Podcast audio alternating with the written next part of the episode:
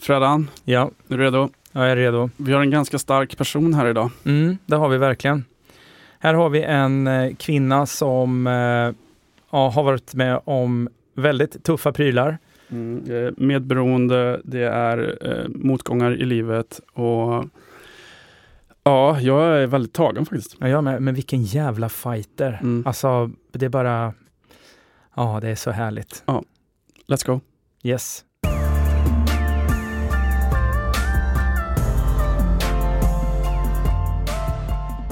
Jag förlorade ju min mamma.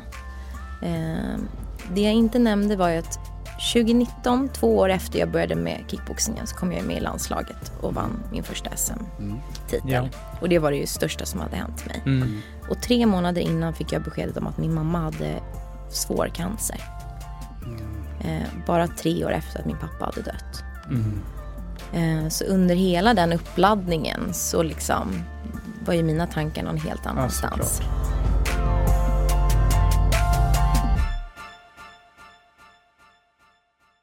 jag lyssnade faktiskt precis på avsnittet med Sunny. Ja. Mm. Så bra. ja, tack. Ja, det är så fint. Jättefint. Ja, det är Kul så fint. på det. Jag började ju lyssna på Oliver i en kamp. Mm. Eh, för jag tänkte, nu kör jag liksom mina Mm. kampsportskollegor här. Mm. Ehm, Kom lite närmare micken bara. Mm. Så den, den behöver vara ganska nära faktiskt. så, Ja, sen Ja, kan du ta med dig den om du vill bak. Men.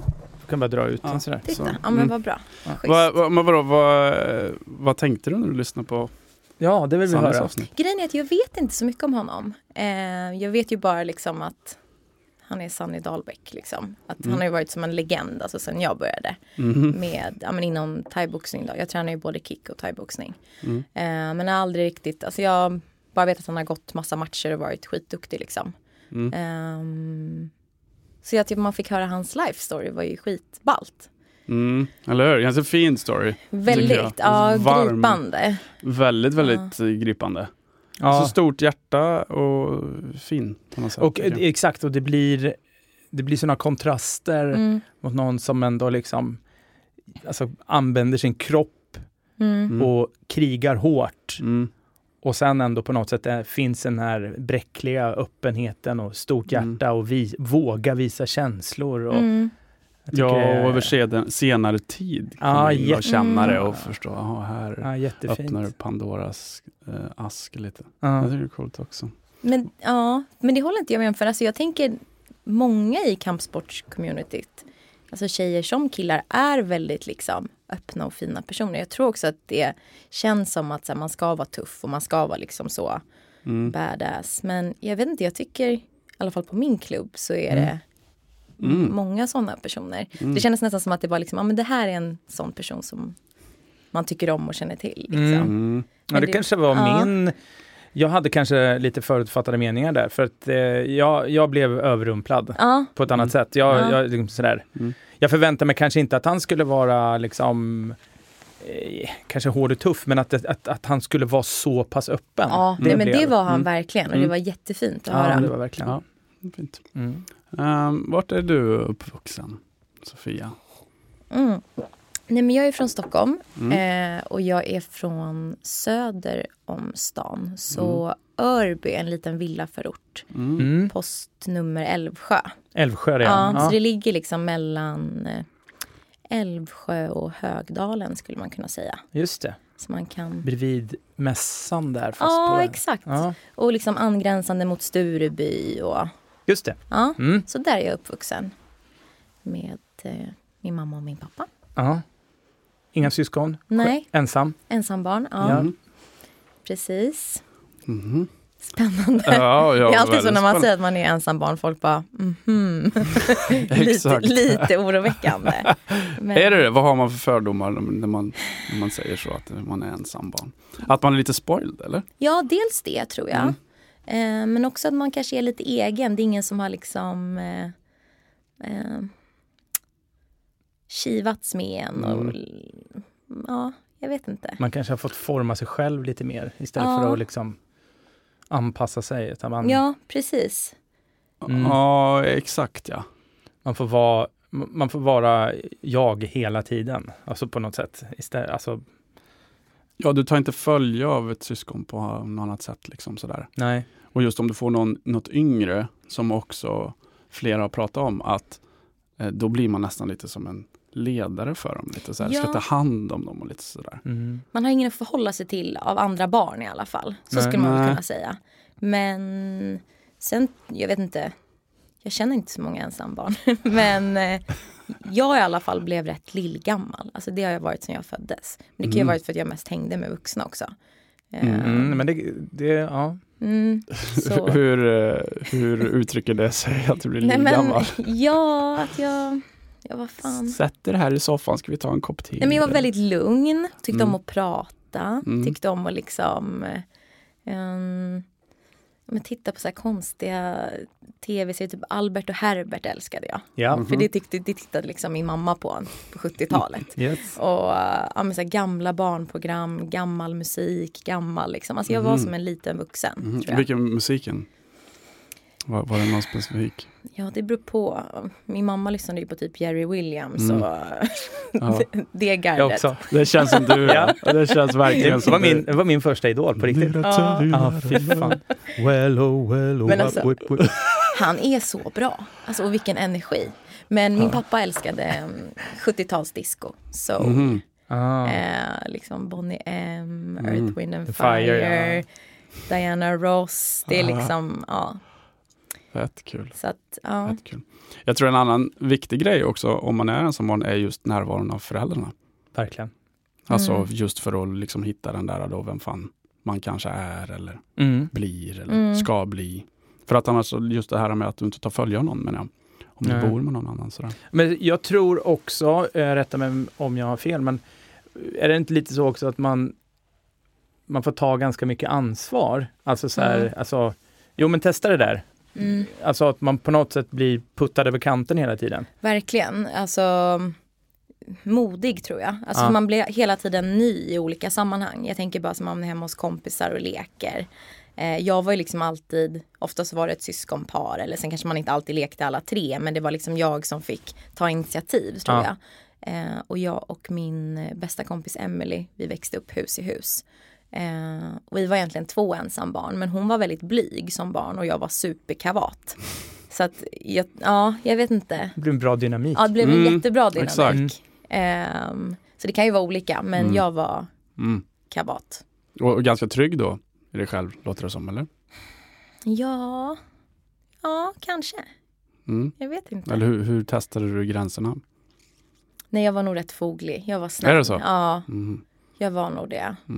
Mm. Ehm, jag kommer från en rätt tuff bakgrund faktiskt. Mhm. Ehm, jag har växt upp, mina föräldrar, mina föräldrar lever inte längre men Mm. eh, de var gifta tills de gick bort. Men Mm. eh, jag växte upp med min pappa som hade ja, med alkoholmissbruk. Mm. Eh, och jag kan väl under hela mitt liv skulle jag säga. Och han var periodare. Mm. Eh, men han fixade i nästan hela mitt liv i alla fall och liksom få ihop jobb och Mm. allt annat så. Mm. Men hemma så var det, det var Mm. tungt. Mm. Eh, men samtidigt så var han liksom världens finaste, mest Mm. kärleksfulla person. Mm. Och ehm, Mm. alltså det var, jag tror också att jag behövde hålla mycket fasad. Mm. Eh, Kände, fanns det någon eh, så här, kunde du skämmas lite för det? Eller? Eller var det bara mer så här? Jo, absolut. När jag började förstå att det var någonting man, liksom, som inte var som det skulle. Nej. Men det var Mm. liksom också mycket hemligheter. Ehm, så att jag tror också att det gjorde att jag blev lillgammal för att jag hängde mycket med min Mm. pappa. Ja. När han tog en bira Mm, och så snackade vi om livet Mm. liksom. Och jag var nog hans terapeut från Mm. väldigt Ja, tidig blev ålder. bollplanket Ja, där. Går in och tar den rollen direkt. Ja. Mm. Mm. så att eh, ja, det... När, när har du första minnet av att det så här, någonting är liksom inte riktigt som det ska? Jag kommer ifrån samma Mm. bakgrund. Fast Mm. lite senare in och då hade jag typ stuckit lite innan. Innan ja. det bröt ut. Liksom sådär. Så jag vet precis vad du Mm, pratar om. Ehm, men ehm, hur, hur, och jag vet exakt, om jag bara ska dela. ja. Då bodde jag i Australien, jag, jag var där för att plugga. Mm. Och, och så mm, fick jag bara för mig att jag skulle skriva brev till mamma och pappa. Så här, brevväxla bara för typ, ja men så här har jag det. Typ, Mm. lite så. Och då fick jag ett brev tillbaks av mamma då. Och jag, bara, jag kunde knappt se vad hon skrev. Mm. Alltså jag kunde inte, jag, teck, det var, Ja, det så här, var liksom fan, hieroglyfer. det här är inte, det här är inte hon Mm. som har skrivit brevet. Alltså på, Mm, på mm, handstilen mm. såg jag det. Och då är det någonting som inte stämmer. Nej. Eh, vad, vad, har du någon sån? Ja, det är ju liksom en podd i sig och, alltså, Ja. att prata om. Men gud, det finns massor. Jag tror att ehm, Jag tror att jag förstod det liksom när man började komma upp i kanske typ på sex års första klass. och Man började gå hem till andra kompisar. Mm. Och jag började förstå liksom att så, här, men man äter middag tillsammans. Alltså, vi åt ju aldrig middag tillsammans. Och, Mm. ehm, pappa dricker liksom inte en öl eller tre eller fyra. Och det, alltså, så här, det är så svårt att förklara men Mm. något, ett sånt jättetidigt minne som jag hade både från vi sa ju dagis, nu heter det ju förskola. Mm. Men liksom när pappa hämtar från dagis, han hämtar mig alltid tidigt. Mm. Ehm, att vi åkte till liksom lokala pizzerian där vi var Mm. alltså stammisar. Ja. Mm. Ja. Pappa tog sig en stor stark, Mm. jag fick en cola, Mm. ibland fick jag en glass och vi hade det liksom skitmysigt. Mm. Men det blev liksom inte bara en öl utan det blev Mm. två, tre, fyra. Och det jag kommer ihåg att jag tyckte var obehagligt var de andra vuxna. Alltså de Mm. stammisarna där som liksom Också Ja. bärsa på liksom. Ja, och på den tiden så fick man ju liksom röka inne Just på pizzerierna. exakt. Och en sån, det, det är egentligen inte förrän bara ett par år sedan så jag har alltid haft jättesvårt att gå in på pizzerior och hämta pizza. Det har funnits någon slags skam i det. Alltså, man tänker man, Mm. och jag har aldrig fattat att och min gamla sambo sa det, men herregud, så det är bara att gå ner och hämta den. Och jag bara, nej men jag vägrar. Mm. Jag vill inte, du får göra det. Och det var inte förrän ja, men ett par år sedan som jag insåg att i de här gamla pizzerialokalerna, de har ju, många av dem i alla fall i söderort, har liksom varit där i kanske Ja. 20 år. Ja. Då är det den här äh, Lukten. lukten som sitter i tapeterna blandat med jordnötter och en stor stark. Ah. Som får hela mitt nervsystem att Ah, liksom ah, regregera. Sjuk trigger. Mm. Shit. Och så lite blaskig Ja. mm, basilikadoft. ifrån- Ja, ja, och, och och, så så, sit- någon sån här, vad heter de här spelautomaterna typ? Ja men jacken Ja, liksom. Och så sitter det en gubbe i Bajen-tröja och pratar lite för högt. Och liksom, ah. Mm. Nej, men jag, ja. Ja, d- Det där är ju så Ja. intressant också hur vi faktiskt reagerar. Mm. Alltså att vi är i, att vi skickas in i fight or flight mm. I det sympatiska nervsystemet. Ja, och och att att vi ska inte, jag ska inte vara här. Det här är ett Mm. Snapchat som bara, Mm. nej, jag ska inte vara Mm. här. Mm. Och att vi sen då lagrar det i minnet. Mm. Mm. Så när vi kommer in på pizzerian så, så det går en millisekund så bara, nej, nej jag, kan, jag kan inte vara här. Så- Äh, Doften, sinnet tar det direkt dit. Ja. Nu, hur, länge sedan, hur gammal är du idag? Jag fyller 30. Om man får fråga en ja, kvinna det. Ja, Mm. nej, men jag fyller 30. Mm. Ehm, Och man tar sig då direkt tillbaks ja, dit. så det är liksom. ju Så 25 år ja, sedan. Liksom. Det, är- det är så sjukt, alltså en doft, så bara, bara fling, så är du Mm. där. Mm. Det är helt otroligt fascinerande. Ja, men jag, jag måste också dela också här för att eh, när min mamma blev dålig så bar hon en parfym. Mm. Och den där parfymen, den sitter kvar fortfarande. Mm. Mm. Den, den, den, alltså så, här. så när den kommer ibland, då är det som att det, nu Mm. vet jag att det är lugnt, men det Mm. var så här, Mm. uff, Mm.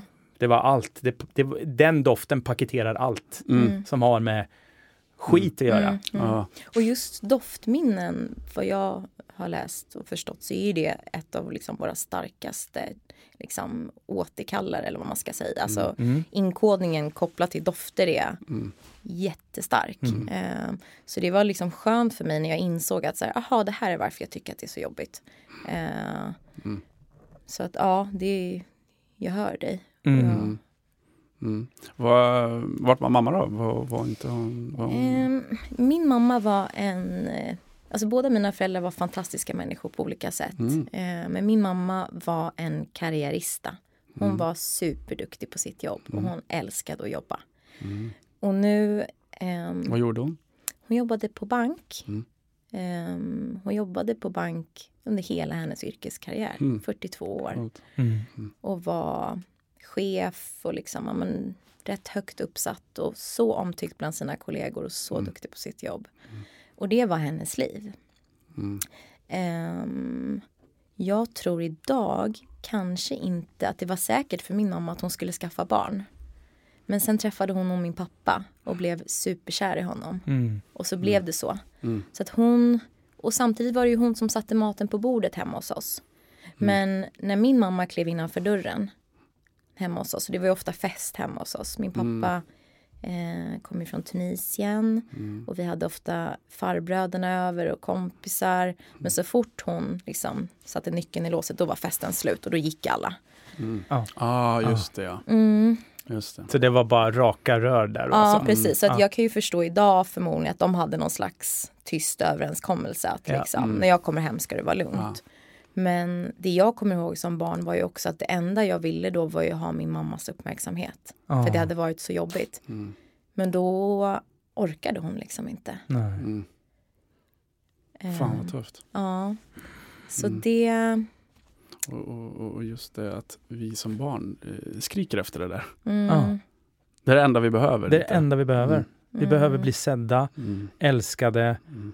omkramande och bara liksom ja, men känna det här att vi, att vi duger. Mm. Mm. Min mamma har faktiskt, det fanns en rätt skoj historia, hon berättade om den. Eh, hon satt i något, ja det var väl någon gång på 90-talet. Eh, och min pappa var hemma med mig och jag var, ja men kanske typ fyra, skulle fylla fem. Och det enda jag var hemma och ehm, ville ha var min mamma. Och till slut var han så trött på mig, då sa men ring din mamma då, här. Och så gav han mig luren och så ringde han till hennes. På den tiden hade man ju liksom, jag tror inte ens att hon hade liksom en egen stationär telefon, så då hade han ringt receptionen. Mm. Och så hade jag ringt och så hade jag sagt, jag vill prata med min mamma. Och så hade hon i receptionen sagt, ja men nu är det så, hade liksom försökt uppehålla mig. Vad har du gjort på dagis idag? Hur är det med dig Sofia? Och liksom jag gav mig inte, så jag vill prata med min mamma nu. Och då hade de kopplat på mig på mötet. Där de sitter liksom ett helt konferensrum. Fint ändå alltså. Ja, faktiskt. Och det gick liksom inte. Nej. Nej, Eh, bra vilja där. Ja. Mm. och då skulle jag prata med min mamma. Eh, och det har min pappa beskrivit för mig också, att det spelade liksom ingen roll hur mycket han fanns där. Eh, att man vill ha det man inte kan få. Mm. Mm. Ehm, så stora delar av liksom ehm, tiden som vuxen så innan min mamma dog nu då så spenderade jag mycket tid på att lära känna henne. Mm. För jag upplevde aldrig att jag liksom Nej. kände henne. Wow. Så, mm. Vad hittar du? Ja, vad hittade jag? Hittar du någon, något annat? Någon personlighet? Något? Alltså, oftast kan man hitta så här drag som man som Ja, ploppar fan, upp. vi är ju dem, tänker jag. Ja. Jo men gud det finns ju massa saker. Alltså hon var ju fantastiskt liksom positiv. Oerhört positiv. Mm.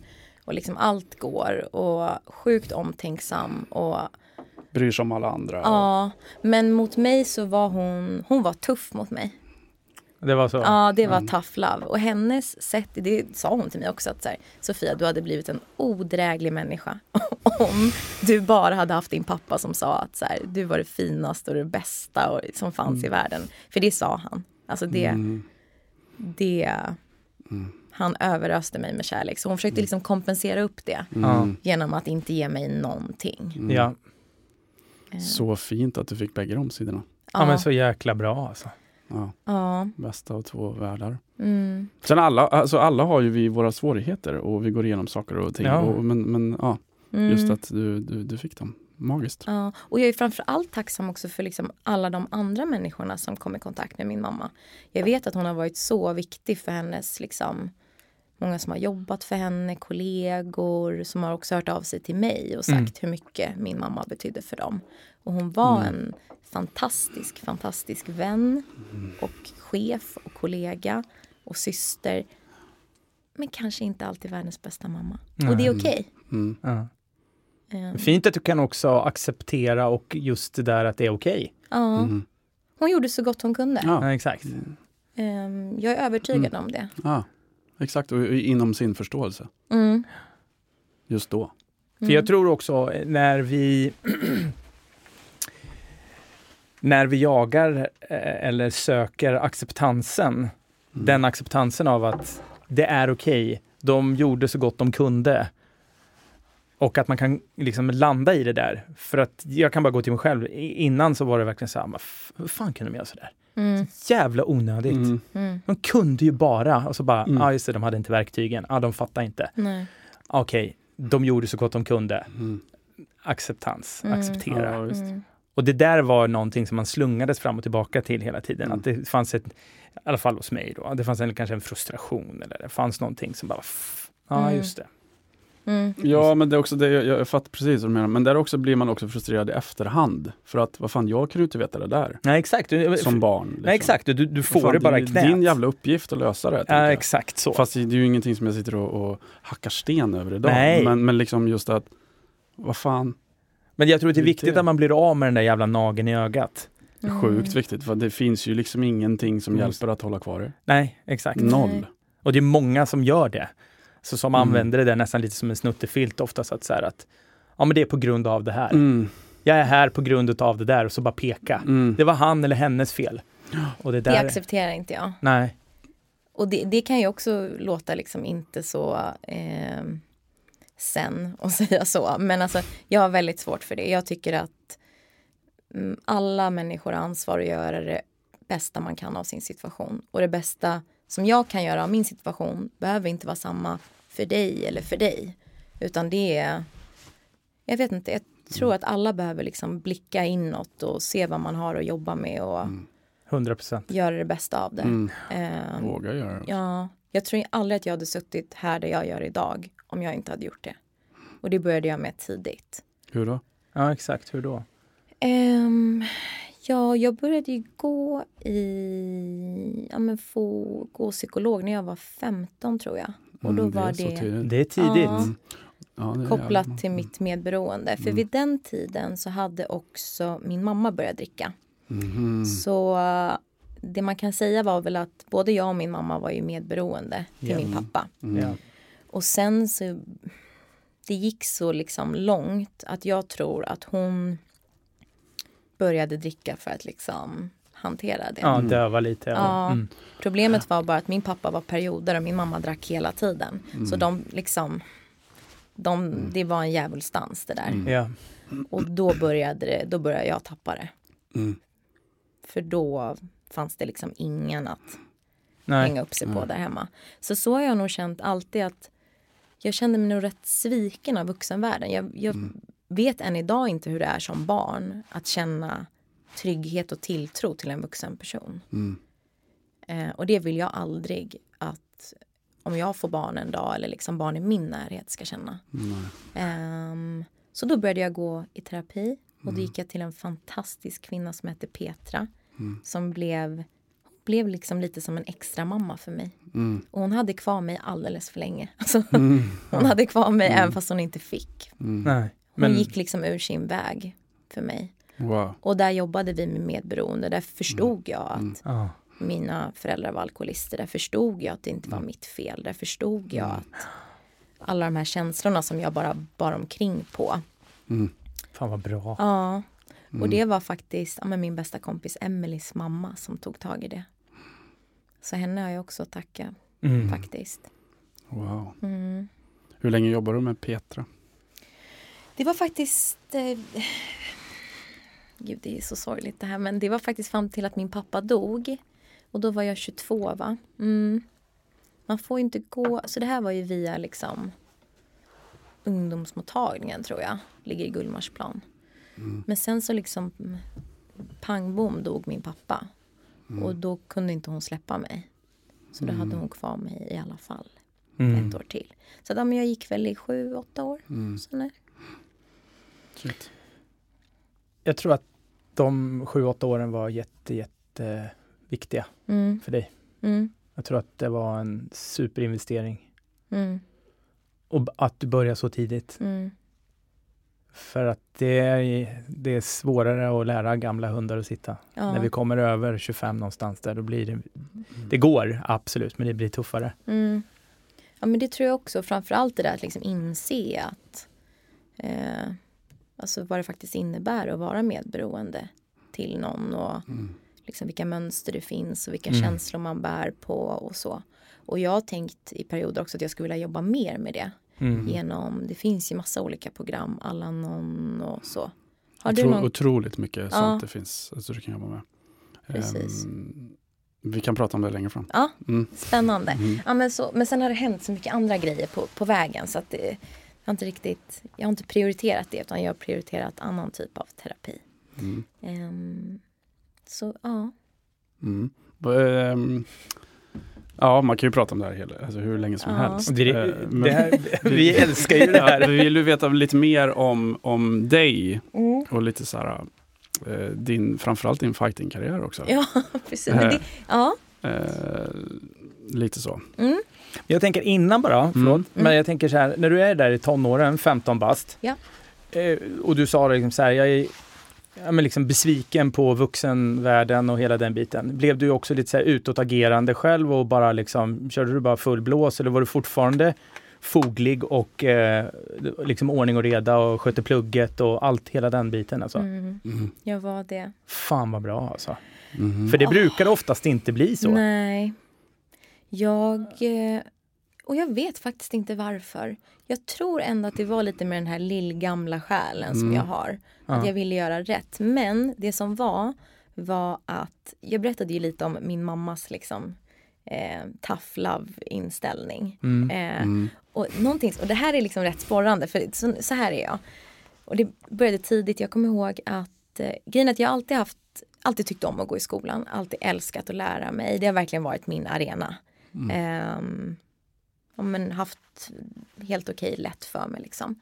Men sen kommer jag ihåg att hon pratade i telefon, jag tror det här var i typ sjuan eller åttan med en väninna.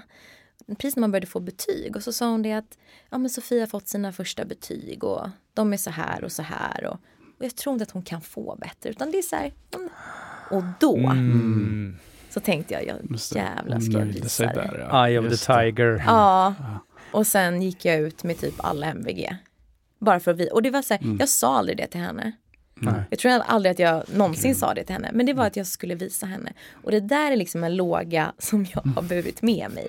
Ah. Och jag Mm. kanske alltid kommer vara så. Att jag kan liksom, jag kan drivas av osynligt bränsle. Mm. Mm. Ehm, Och äldre män på cykel. Exakt! Som man i spandex. På väg till jobbet. Ja. Ja. Nej, men... ehm, nej, så jag var foglig, precis. Ja. Inte utåtagerande. Nej, nej. Siffror.se, redovisningsbyrån som hjälper alla typer av bolag över hela Sverige. Siffror.se jobbar helt digitalt, ger personlig service och hjälper dessutom kostnadsfritt till med att starta upp företag. Hör av dig till oss med koden podden för ett erbjudande. Vi hjälper dig med din redovisning. Välkommen till siffror.se. Men jag höll också på med idrott. Jag, höll, på, jag höll på med dans. Okej. Mm. Vad för slags dans? Jag började alltså, typ klassiska skolan med liksom ballett och sånt från att jag var typ fyra. Mm. Mina föräldrar sa att jag dansade innan jag kunde gå. Mm. Och det var inte så fort man satte på musik så kunde jag liksom inte Ja. stå still.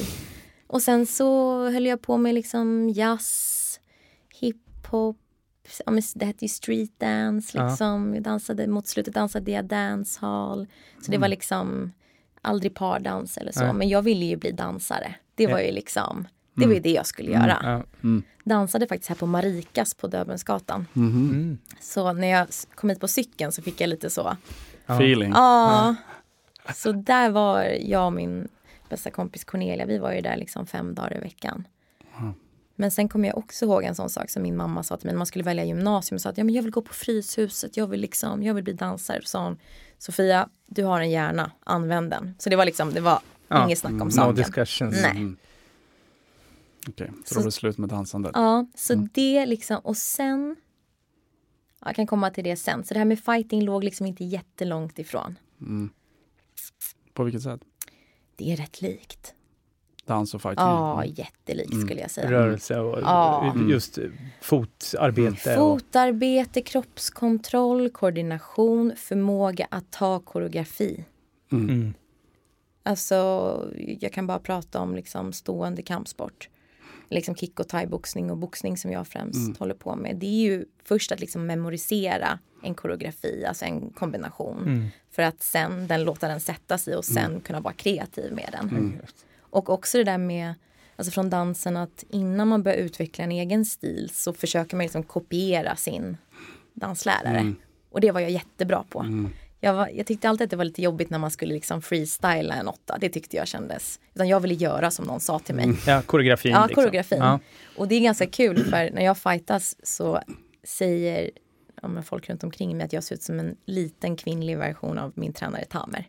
Så jag har nog liksom tagit hans Ah. stil. Shit. Ehm, Men det är ju också en jävligt stark förmåga att kunna Alltså kunna ta in och se det där och överföra det. Mm. Alltså kunna se i, i bilder eller se på en film eller se någon göra det och sen göra det exakt Mm. lika och så få in känslan i det också. ja. Jo, det tror jag. Mm. Ja, ja. Så det tror jag. Att, 100%. Det- Och det finns ju verkligen inga som är så enkla att träna, träna som eh, dansare eller fighters. Ja, det är Det så. spelar ingen roll. Nej, jag, jag kommer ihåg att jag tränade Tony Irving en gång i tiden.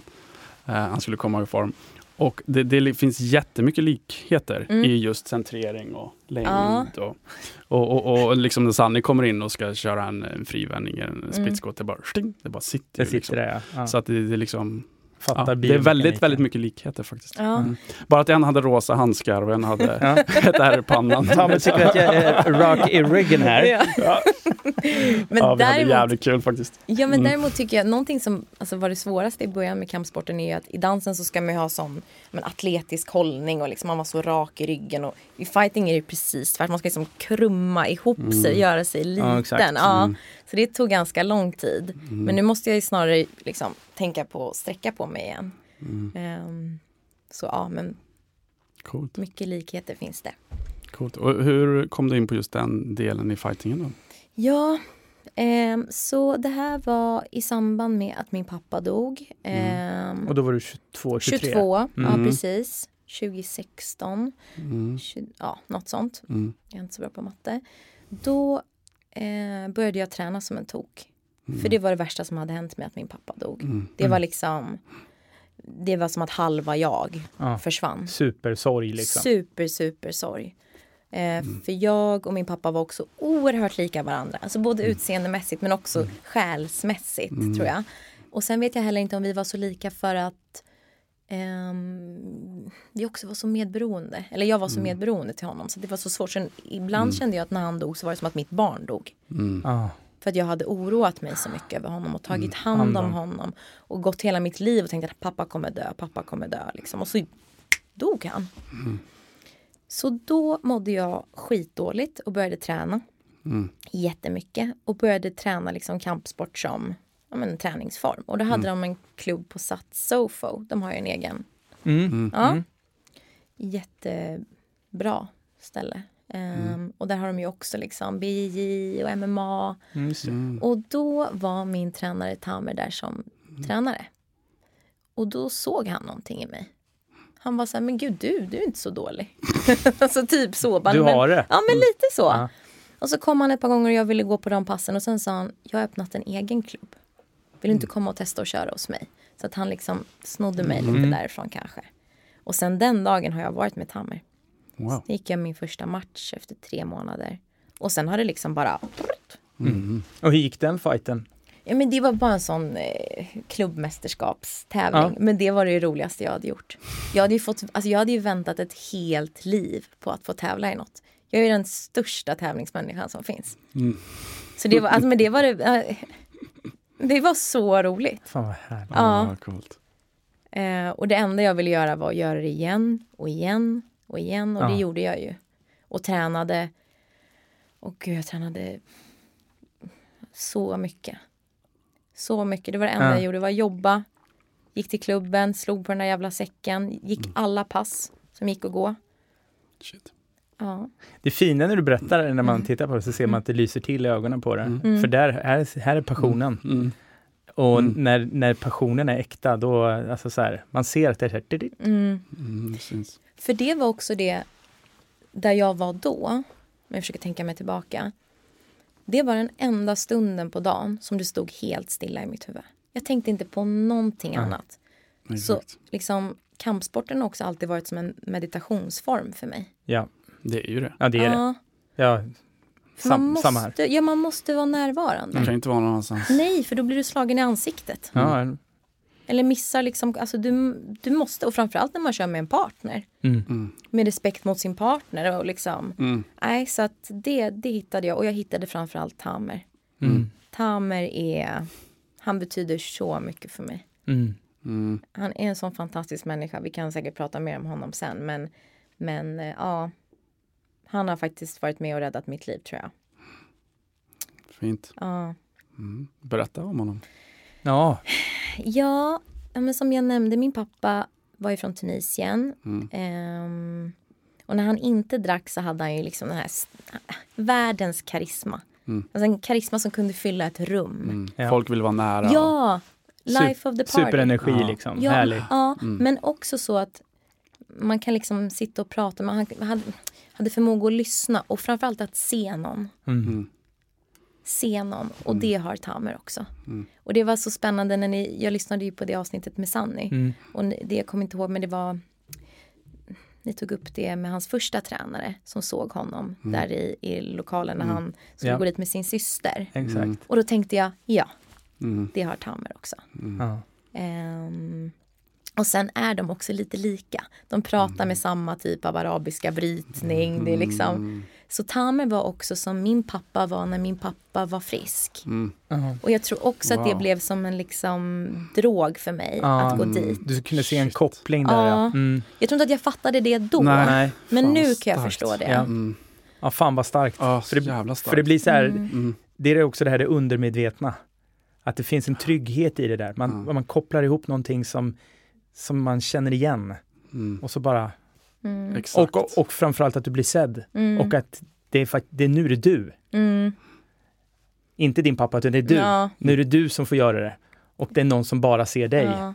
Och jag kommer aldrig glömma en sån, första gången jag kom till Masters Gym och skulle liksom, och då kommer jag ihåg att Tammer sa, han sa jag ska testa dig idag. Du ska köra först ett fyspass och sen så ska du köra ett mittspass och klarar du av det, ja men då, då är du liksom i bra form. Och då gick han med mig och så liksom gick han fram till fystränaren Karina, fantastisk kvinna, och bara hälsa på Sofia. Du ska hälsa på henne. Och bara att han liksom, det visade någonting för mig att jag var viktig. Ja. Jag var värd Precis. att hälsa på Mm, i ett läge där jag kände mig som den minsta människan i världen.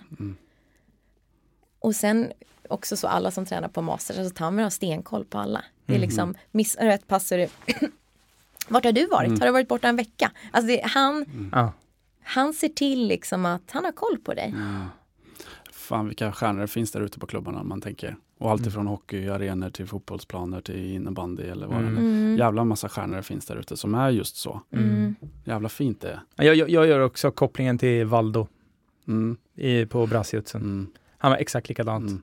Han kunde bara sitta och titta. Han bara, han liksom, kunde han komma fram till folk. bara, Fan, du har utvecklats. Bra rörelse. Fan, du rör dig bra nu. Bra. Sådär. Mm. Också det där.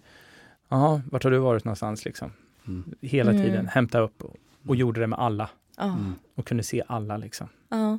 Och också se att olika personer behöver olika saker. Mm, Exakt. Det är Tamer jätteduktig på. Han vet att han kan inte vara på samma sätt mot mig som Mm. mot någon av de yngre grabbarna som behöver någonting annat. Mm. Han har liksom spetskompetens inom det. Och också en annan fin sak som jag har tänkt på nu när jag jobbar som tränare själv och coachar ungdomar och så. Är att han har en sån fin förmåga att säga när man gör fel. Att man inte känner sig dum. Utan han säger, ja men bra. Men, Men, du mm. skulle kunna göra så här. Testa att göra så här. Mm, det är pedagogiskt. Ja, ja. Ja, Exakt. Ja. alltså så att... Eh, Vad är det du behöver då? Ja, det var man- också min fråga. Vad sjukt. Jag tänkte också, vad behövde du? då? Ja. Vad var det han sa att du skulle ha? ehm, För alla behöver ju olika. Men, Ja. vad, men vad behöver du? Ja, men Är- till exempel inför match så det är ingen idé att skrämma upp mig. Att liksom säga, ah, men den här tjejen har gått så här och så här många matcher och Nej, det biter inte på det dig. biter inte. Nej. Eh, det får liksom omvänd effekt. Ja. Ehm, utan det är bättre att liksom som han säger, att ah, men det här är en tjej. Hon har två armar, två ben, två ögon och en mun. Mm. Hon är, eller liksom att han försöker dämpa ner det medan jag ser på andra att han liksom behöver elda upp dem för att de tänker att ah, jag kommer vinna, jag behöver inte träna. Alltså, så här, han vet att jag gör mitt jobb. ja. Men sen vet han också att i ringen så behöver han skrika på mig. Alltså där är det liksom, där kan jag ta det. men inte innan. Om han blir arg på mig, Vad händer då? jag, jag, han skulle inte stå och skrika på mig. Nej. Utan att då pratar vi om det. Nu tror inte jag att Tamer har blivit så arg på mig. Jo men det är klart. Lite sur. Men inte liksom så. Men ja, han är duktig på det. Och jag tror att jag är rätt känslig som person. Ehm, så man kan liksom inte riktigt. Nej, man måste ha lite fin känsla. Mm. Känns det som att du behöver lugn om man säger in, inför fight? Är det så verkligen så här fokus, Ja. tyst, bara gå in i din bubbla eller? Ja, men jag behöver också Tamer som babblar. Ja, det behöver Ja, alltså, jo det behöver jag. Ja. Och jag kan liksom inte vara med vem som helst. Utan antingen behöver jag distrahera mig med någon som jag känner mig trygg med. Ja. Exakt. Eh, eller så behöver jag vara själv. Och så var det nu när jag körde Nordiska mästerskapen eh, i september var det va? Inför finalen. Så hade jag gjort en ja, men, halvbra första match mot en tjej som jag var duktigare mot. och då sa Tamer på med luvan, nu går du och sätter dig där och så mediterar du och så kommer du tillbaka när du är lugn. och, då, ja, och då kände jag att nu, nu är det bara att lyssna här. Så gjorde Ja. jag det. Och då gick det bra i finalen. Det var en skittuff match men det gick hela vägen. Så ja, Mäktigt, grattis. Ja, Ja, verkligen. Grattis. Ja, förra året var mitt år. Ja, det Är var det så. så? Mm, det var mitt år. Ehm, jag gick, jag tror jag gick 12 matcher förra året. Oj. Wow. Ja, det En i månaden typ. Ja, typ. Mm. Men ofta går man ju turneringar så att det blir ju liksom. Ja, så sett Ja, ja. Men om skulle man Men är du sprida ut det. kickboxer eller thaibox? Eller vad, vad, är, vad är Ja, det? så Vad här, är, jag är vad med i kickboxningslandslaget Mm. än så länge. Ehm, det är SM nu om ett par veckor men jag har inte anmält mig. Eh, eller vi har inte gjort det. Mm. Ehm, kan komma till det sen. Mm. Men eh, så där är jag med fortfarande. Men jag tränar också thaiboxning. Alltså vi Mm. kör ju både kick och thai. Mm. Eh, har i och för sig bara gått en thai-match. Mm. Så K1 är ju min disciplin. Mm. Mm. Och för lyssnarna då, vill du förklara lite? Ja, kick och thaiboxning är ju väldigt lika. Kickboxning är ju liksom en, jag vet inte om den är sprungen ur thaiboxningen, men det är en variant av det. Och inom kickboxningen så finns det också massa olika discipliner. Såklart. Eh, men det jag tävlar i heter K1. Och då så um, får man slå och sparka, man får göra knän. Men clinchen, det är den största skillnaden, den är mycket kortare. Mm. Ehm, Så antingen bara fem sekunder eller eh, en eller två tekniker. Det är lite olika beroende på vart man tävlar någonstans. Ehm, Så det är ett helt annat tempo. Det är liksom Ah. in, ut, fram och tillbaka. Ehm, Inga armbågar. Inga armbågar, Nej. precis. Och sen nu i höstas så körde jag EM i en annan disciplin som heter low kick. Och då är det ingen clinch. Och då är det ännu högre tempo för det finns inga naturliga stopp. Som i thaiboxning att även om det är energikrävande att stå och clincha och dra och liksom så. Så det bara pågår. Mm. Är det då de blir lite mer dansande in och ut så? Ja, skulle man kunna Mm. säga. Eh, så duktiga boxare Mm. som har lärt sig Mm. att sparka. Just det. Och det, ja, igen, ja, kickboxningen, det ligger mig lite varmare om hjärtat. Ja, det är så. Ja, Mm. men sen tycker jag om att göra armbågar. Mm. Det gör jag, alltså det Gör är det? svinkul. eh, så tänk om det hade kunnat finnas K1 med armbågar. Nu kommer en, en koppling där det, till Sanne lite grann. Han sa ju så här att jag är så jävla elak när jag går in i Mm. ringen. Och jag har fått liksom så mycket komplimang för att han är så elak. Mm. Har du samma grej eller? Att du går in så här att du ska fan få smaka. Alltså, jag ska... Har du, har du en sån tanke eller hur, hur går det? För ett, varför jag säger det eller varför jag frågar Mm. det är för att du bara, ja men jag tycker om armbågar. Ja, Och jag, menar, jag tänker så här, få en armbåge i facet. Ja. jo, men det... Jo, det tror jag. Jag är nog rätt tuff. Alltså jag drar mig inte för att gå framåt. Det är det som är Jag har roligt. sett bilder på dig när du har varit helt... Ja, blodig och sådär. Nej men det, och boxningen är min starka sida. Eh, tror jag. Ja. Eller det vet jag. Så att Höger jag eller vänsterhänt? Höger, Höger. ortodox. Mm. Ehm, mm. Så att eh, det räds jag inte. Men sen, jag har roligt när jag fightas. Och det kan också vara ännu mer psykande. Alltså när du kör med någon, har jag fått höra i alla fall när man sparras med mig, att jag skrattar. Att det kan liksom Knäckande. vara Ah, att någon Ja. slår en och jag liksom, Ja, okej. kul! För jag tycker att det är roligt. Ja, jag fattar. Också det, det är också rätt underskattat det där med Alltså att få lite stryk. Ja. Alltså du, kroppen utsöndrar ju samma typer av hormoner som om du springer 60 meter. Mm. Mm. Liksom Wow. världens adrenalinpåslag. Mm, bara av att du står still. Mm. Så att, Alltså det är lite skönt att få spö på något sätt. Ja, det ligger något i det. Ja, det, är, det, är samma, det är samma sak för mig Ja. i, i brassjutsun. ja. Älskar när det är, alltså så här, det får gärna vara hårt och det Mm. får gärna vara så här, det, det måste kännas på något sätt. Mm. Gud, jag precis, vi var på ett, eh, jag är med i en, eh, en satsning som heter Elit och utveckling via Bud och kampsport. Så vi är massa olika kampsporter som får liksom ja, men träffas och gå på föreläsningar och styrketester och så på Bosan. Och då senast vi var där så var BI-landslaget Mm. och så körde vi lite. Mm. Och fan vad kul det var. Mm. Alltså det, det kände jag också, vad fan det här kanske kan vara min grej. Ja. Alltså shit vad roligt vi hade och wow vad duktiga de var. Mm. Alltså då var det två eh, tjejer där som liksom, ja, men hade lite uppvisning i hur det kan se ut. Och det bara rullade, alltså det Ja, var liksom visst. Så fascinerande. Mm. Ja, det är verkligen. Det skulle jag vilja testa mer. Ja, det är, så- det är som schack liksom. Och Mm. så svårt. Mm. Ja, i början är det det för att det är, det är inte naturligt i, i rörelsemönstret liksom. Nej. Och när man fastnar i någons gard och man ska ta sig därifrån och, Ja. och så, ja, det är massa grejer. Och så sträcker man på en arm, oj, nej, det kommer ett armlås. Eller. ja. Ja, det är, det är svårt och hårt. Det är svårt och hårt, Mm. men det är sjukt roligt. Mm. Jag får dock lite panik av den här att man är så nära varandra. Ja, okej. Eh, Gnugget. ja, den där. Jag älskar det. Man får en pung i pannan Ja, ibland. Liksom. men alltså det, det är jag inte Mm. jättepeppad på, men det Nej. går väl Men att då öva får man bort. ta sig ur det. Och där ska man också då sitta still var fredagen och andas Ja, lite. där Eller? ska man andas lugnt. Ja, Eh, Så man inte får panik där. Och det, där sitter också mycket i andningen. Och jag Mm. tror också samtidigt, ju bättre, ju bättre gastank du har, Mm, desto lättare blir det av att kunna vara i trängda lägen. mm, För då vet man, för man hör nästan liksom när motståndaren börjar så här, ah, okej, du tror att du har ryggen nu. Och så bara nej, nej, nej, nej, nej. Men så hör man att han verkligen Mm. krigar för att ta den. Och så bara Mm. vänder man runt och så har man liksom tagit en bättre position.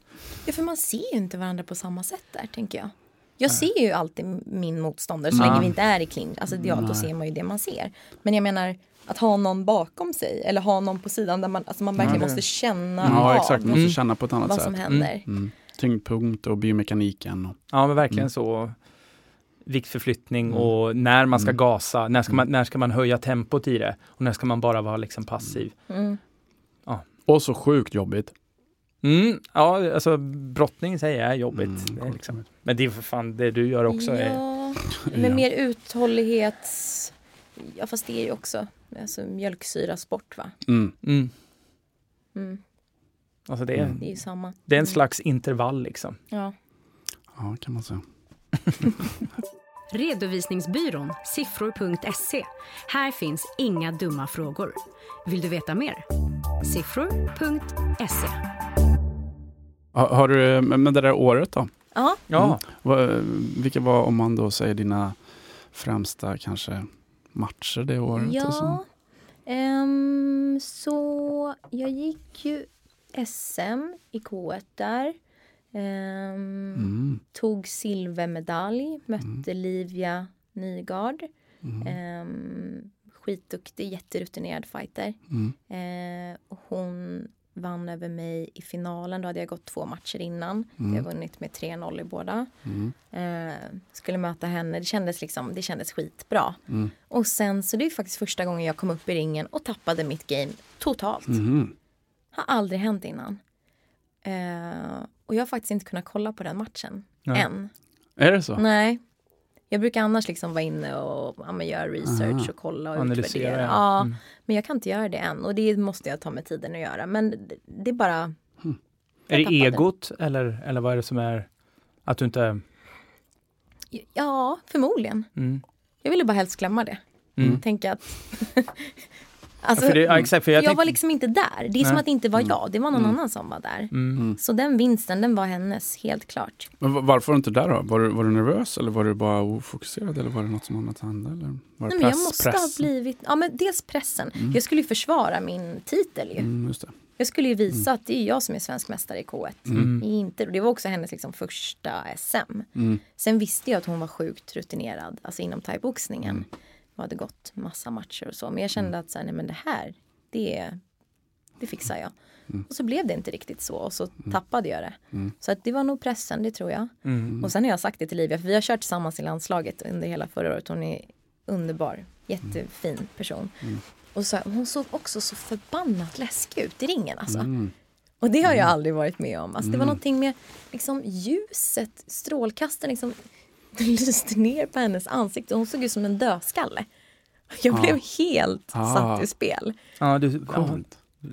det blev ett annat fokus. Helt annat Ja, fokus. du, ser- du ser inte så jätteläskig ut. Nej men alltså ta med säger att har du sett dig själv eller? men men eh, jag vet Ja. inte, då, då jag blev skrämd av någon anledning. Ehm, Mm. Och det känns ju inte jätteballt att säga. Men eh, där och då, det var nog det som hände. Mm. Ehm, hur som helst, jag fick i alla fall en silvermedalj som jag, som jag satt upp på jobbet som jag ska stirra på varje dag.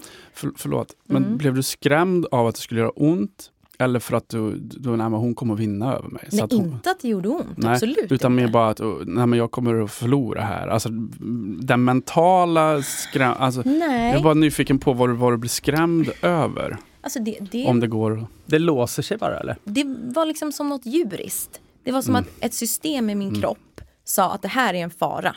Mm. Mm. Exakt. Jättekonstigt. Ja. Ja, det är ju fler som nämner det. I att det, det, det är någon, någon instinkt som Ja. kopplas. Mm. Så att hon låg alltid steget före Mm. eh, och gjorde liksom, det, det blev hennes match. Mm. Ehm, men ja, silvermedaljen har jag satt upp på jobb för jag ska stirra på den och tänka en sån här ska jag aldrig mer ha. Mm. Jag var liksom inte stolt över den för fem öre. Nej. Det var bara fuck den där jävla silvermedaljen. Mhm. Sen så åkte vi och körde, jag fick fortfarande vara med i landslaget men bytte disciplin. Från min K1 till low kick. Och vi körde världskuppen. Mm. Och där gick jag tre tuffa matcher. En mot Norge som jag vann. En mot Tjeck, nej, Slovakien. Mm. Då blev det referee stops contest i tredje. Mm. Så den bröts. Och sen körde jag finalen mot Tjeckien, en skittuff tjej. Mm. Och vann. Så då blev jag världscupsmästare. Snyggt. Wow. Och det var ju riktigt ballt. Alltså då kände jag ju mig, ja fan vad gött det kändes. Ja, för fan vad härligt. Men till det, jag var så sjuk. Alltså jag var så förkyld under hela världskuppen. Så du var inne och krigade med Ja, förkylning men alltså, alltså? det var ju, alltså egentligen, jag skulle inte ens ha åkt. Mhm. Alltså jag satt ju på planet med liksom grönt snor och det gjorde liksom ont i lungorna. Ja, du när jag hade en infektion Ja, men- alltså? Genom läkarkontrollen så var jag, fick jag ju bara hålla ihop. Och sen så låg jag på hotellrummet, stirrade i taket och sa de, ja nu är det typ två timmar kvar. Kom till arenan. Kommer till arenan. Kör min match, går hem och lägger mig igen. Och så höll jag på så i tre dagar. Alltså vad är det för jävla Fuck. pannben alltså?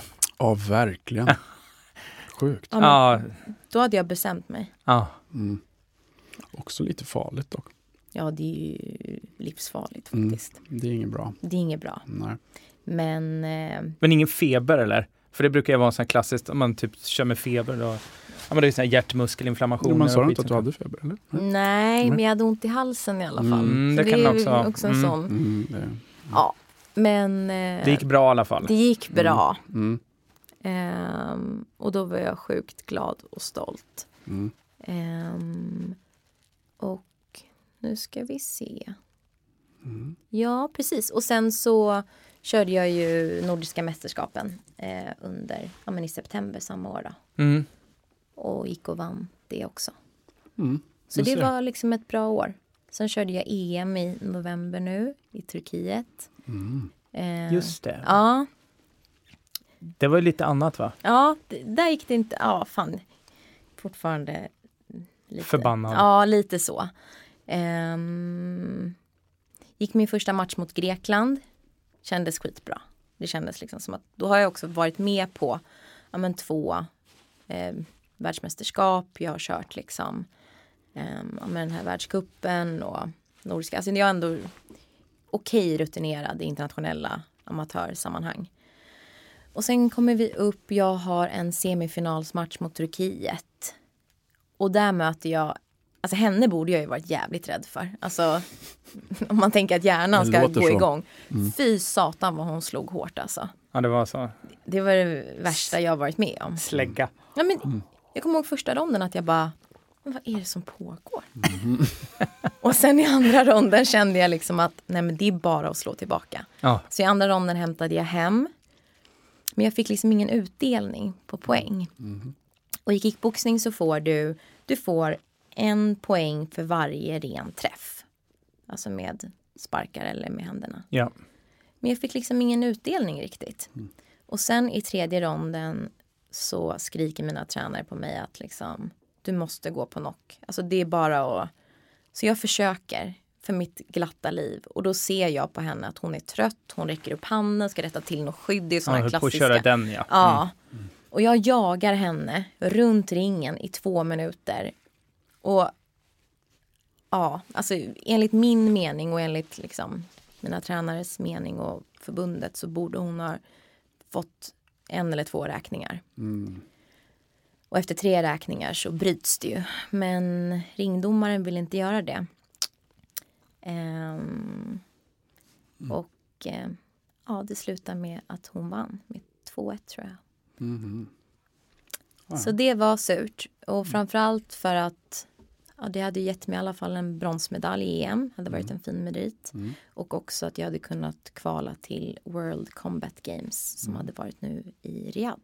Mm. Det hade varit, och det är också en sån kval för eh, World Games som är ett av mina stora mål. Just det. Ja, så det, det blev surt Mm.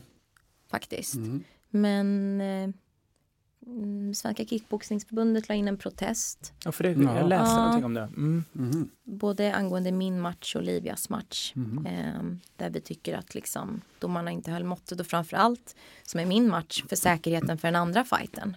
Mhm. Att liksom stå och slåss mot någon som inte är liksom med i matchen. Nej, det, är ju, det är ju farligt. Ja, ja. Sen kan man ju säga vad man vill om att inte jag fick utdelning för mina slag. Det är ju alltså det är en bedömningssport. Det är, Ja. Vad ska man säga? Mm. Men just den delen är ju Mm. ingen hit. Mm. Så ja, nej. Men det där har man ju också sett, eh, jag, bara, jag tänker UFC-fighter eller matcher och så märker man att man bara, ja men han är helt, eller hon, alltså hon har den här fighten. Och så är det liksom en helt annan bedömning. Mm. Alltså egentligen så här bedömningsmässigt så är det ju, där är det ju lite andra, men jag bara tänker ju just av att när man inte riktigt vet och så vet man själv om att fan, fan men det gick ändå bra. Jag fick ändå in ett par träffar och jag har nästan golvat en person som står och liksom kör Mm. tå och häl. Mm. Mm.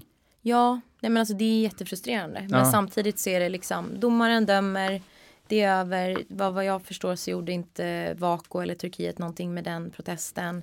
Det Mm. visste vi nästan innan. Mm. Det, men det var viktigt i alla fall från ledningen att visa att vi tycker inte Ja, att det det är är okej. Ja, exakt. Och framförallt så här, kickboxing är superstort i världen. Det är inte jättestort i Sverige, men det är jättestort internationellt. Mm. Och en liten nation som Sverige, vi åker kanske med 13 fighters i jämförelse med ja, men exempelvis Frankrike som kanske har liksom det. 50, 60, 70 fighters. Ryssland, Ukraina, alltså det är liksom Portugal, det är jättetrupper. Mm. Ehm, så vi, ja, det är Slår svårt lite att få, underläge. Ja. Mm. både fattar. vi och Norge och de andra nordiska länderna. Mm. Ja. Mm. Och vad, vad tänker du med fightingen nu idag? Vart är du i, i positionen? Ska du gå för det där igen? Eller vad, vad? Jag står lite i, så här, i valet och kvalet höll jag på att säga. Det gör jag Mm. inte. Men jag har tagit mig en välbehövlig paus. Mm. Mm. Ehm, faktiskt. Mm. Från tävlandet i alla fall, inte från tränandet. Det är Mm. omöjligt. Mm. Men eh, jag kände det. Eh, jag förlorade ju min mamma. Eh, det jag inte nämnde var ju att 2019, två år efter jag började med kickboxingen, så kom jag med i landslaget och vann min första SM-titel. Ja. Och det var det ju största som hade hänt mig. Mm. Och tre månader innan fick jag beskedet om att min mamma hade svår cancer. Eh, bara tre år efter att min pappa hade dött. Mm. Eh, så under hela den uppladdningen så liksom var ju mina tankar någon helt Ja, annanstans. såklart.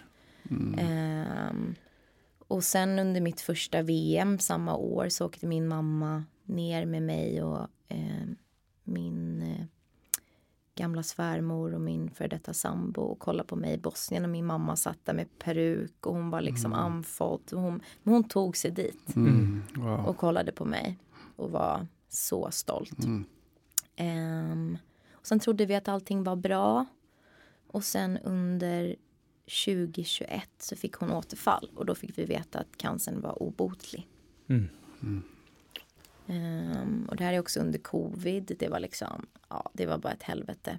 Så de senaste ja, men tre åren så har jag battlat, eller ja, egentligen sen jag började med kampsporten så har jag krigat på så många olika plan. Ja.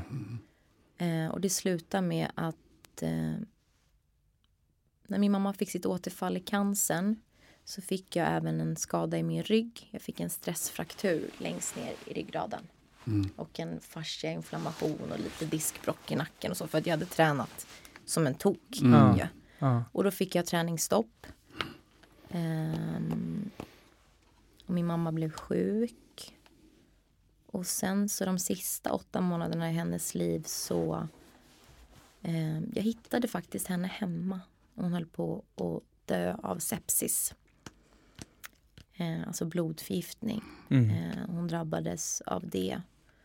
Ehm, fick åka in, låg inne på IVA mitt under covid.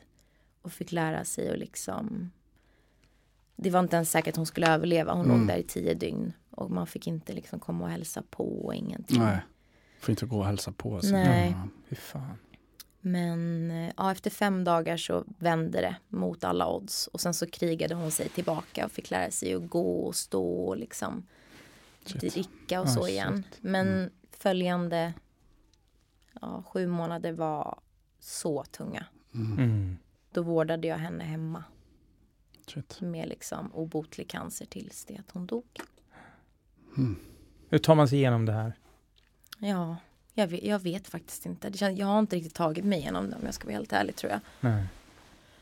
Men det är ju bara att fortsätta har ju alltid varit liksom min Ja, drivkraften. Ja, Mm. det är bara framåt. Det är bara nästa tävling, det är nästa projekt, det är nästa. Men det jag kände i efter jag hade gått den här matchen mot Turkiet då, det var att jag orkar inte mer.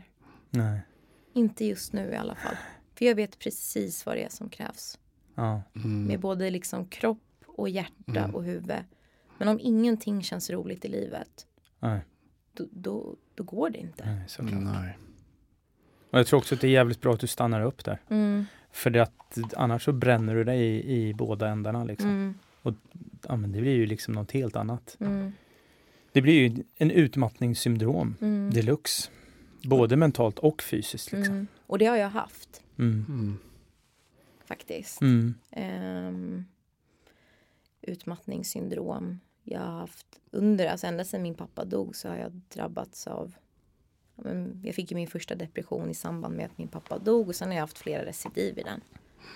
Mm. Men jag har ändå liksom presterat på elitnivå. Jag har ändå Mm. vunnit mina medaljer. Jag har ändå gått 12 matcher per år. Det har liksom inte, det har inte funnits något och det tror jag också är kopplat till det här duktiga flickan. Liksom. Ja. Och hela det här som du sa tidigare. Liksom med att om jag aldrig var någon rebell utan nej, jag var duktig. Mm. Ja. Så jag tror att jag har liksom varit inne på samma spår hela tiden. Mm. Ehm, Men nu, förlåt, säg, Mm. men när, du är, alltså när man är i en depression, hur tar man sig ur depressionen? ja, Eller hur gjorde du? För alla gör väl olika, men Ja. hur, hur gjorde du? jag har ätit medicin Mm. för mina depressioner. Mm. Och det har varit alltså, livräddande. Ja, det är För så? mig, ja. Mm. Det som jag känner, nu har jag fått eh, ja, men ett par depressioner och det som jag känner är som att det bästa att beskriva det är att det är som att någon har slagit av lampknappen, alltså elektriciteten i kroppen. Det är som att det är liksom, är slut. Mm, det går inte att tända det liksom. Nej, men det som har varit för mig är att det har inte satt sig i min kropp. Det har satt sig i mitt huvud. Mm. För många, alltså som klassiska exemplen är att ah, jag kunde inte ta mig ur sängen, jag kunde Nej, inte, jag orkade inte. Mm. Det har liksom aldrig varit för mig. Mm. Utan det har bara påverkat liksom mina kognitiva förmågor.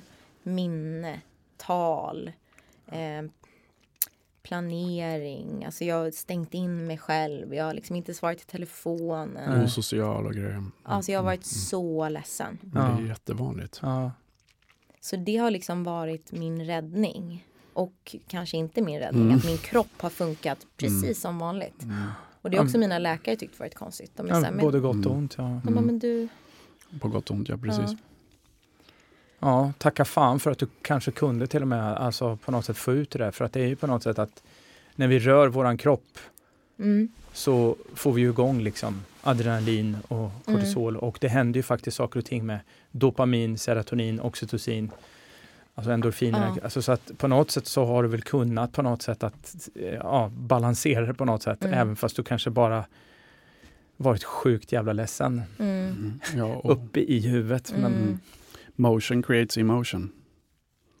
mm, Så att vi kan ändra knoppen om vi rör på kroppen. ja, Och där hade du någonting som kunde skapa en annan känsla tack vare att du rör på dig. ja. Men vad tror du att du behöver då? För jag tror, det, det känns ju inte som att det är mer hard kicks, ehm, matcher. Förstår du vad jag menar? Mm, jag har i och för sig kommit det här beslutet så här. Så när jag kände så här så gick jag och pratade med Tamer som är Mm. liksom ja, han är en sån viktig person för mig och han har ju också hand om mig och liksom min Mm. fighting-karriär. mm, Och då berättade jag för honom att Tamer så här känner jag. Mm. Och då sa han det till mig att Sofia det finns ingenting som är viktigare än du.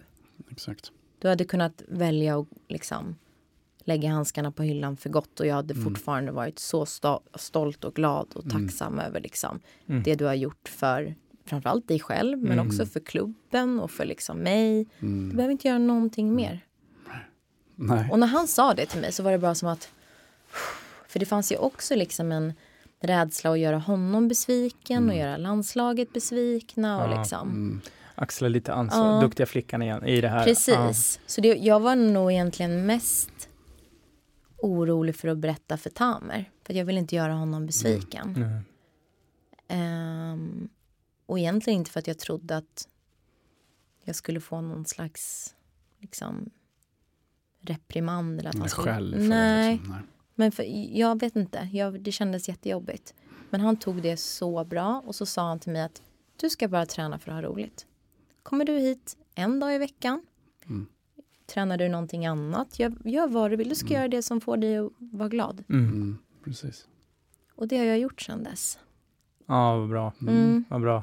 Och bara av det så känner jag att jag är på en helt annan plats än vad jag var i januari. Mm. Mm. Och är till och med lite sugen på att, eh, ja, vi får se. Mm. Lågan. Mm, ja, och idag vann faktiskt min klubbkompis Irene eh, VM-guld i thaiboxning.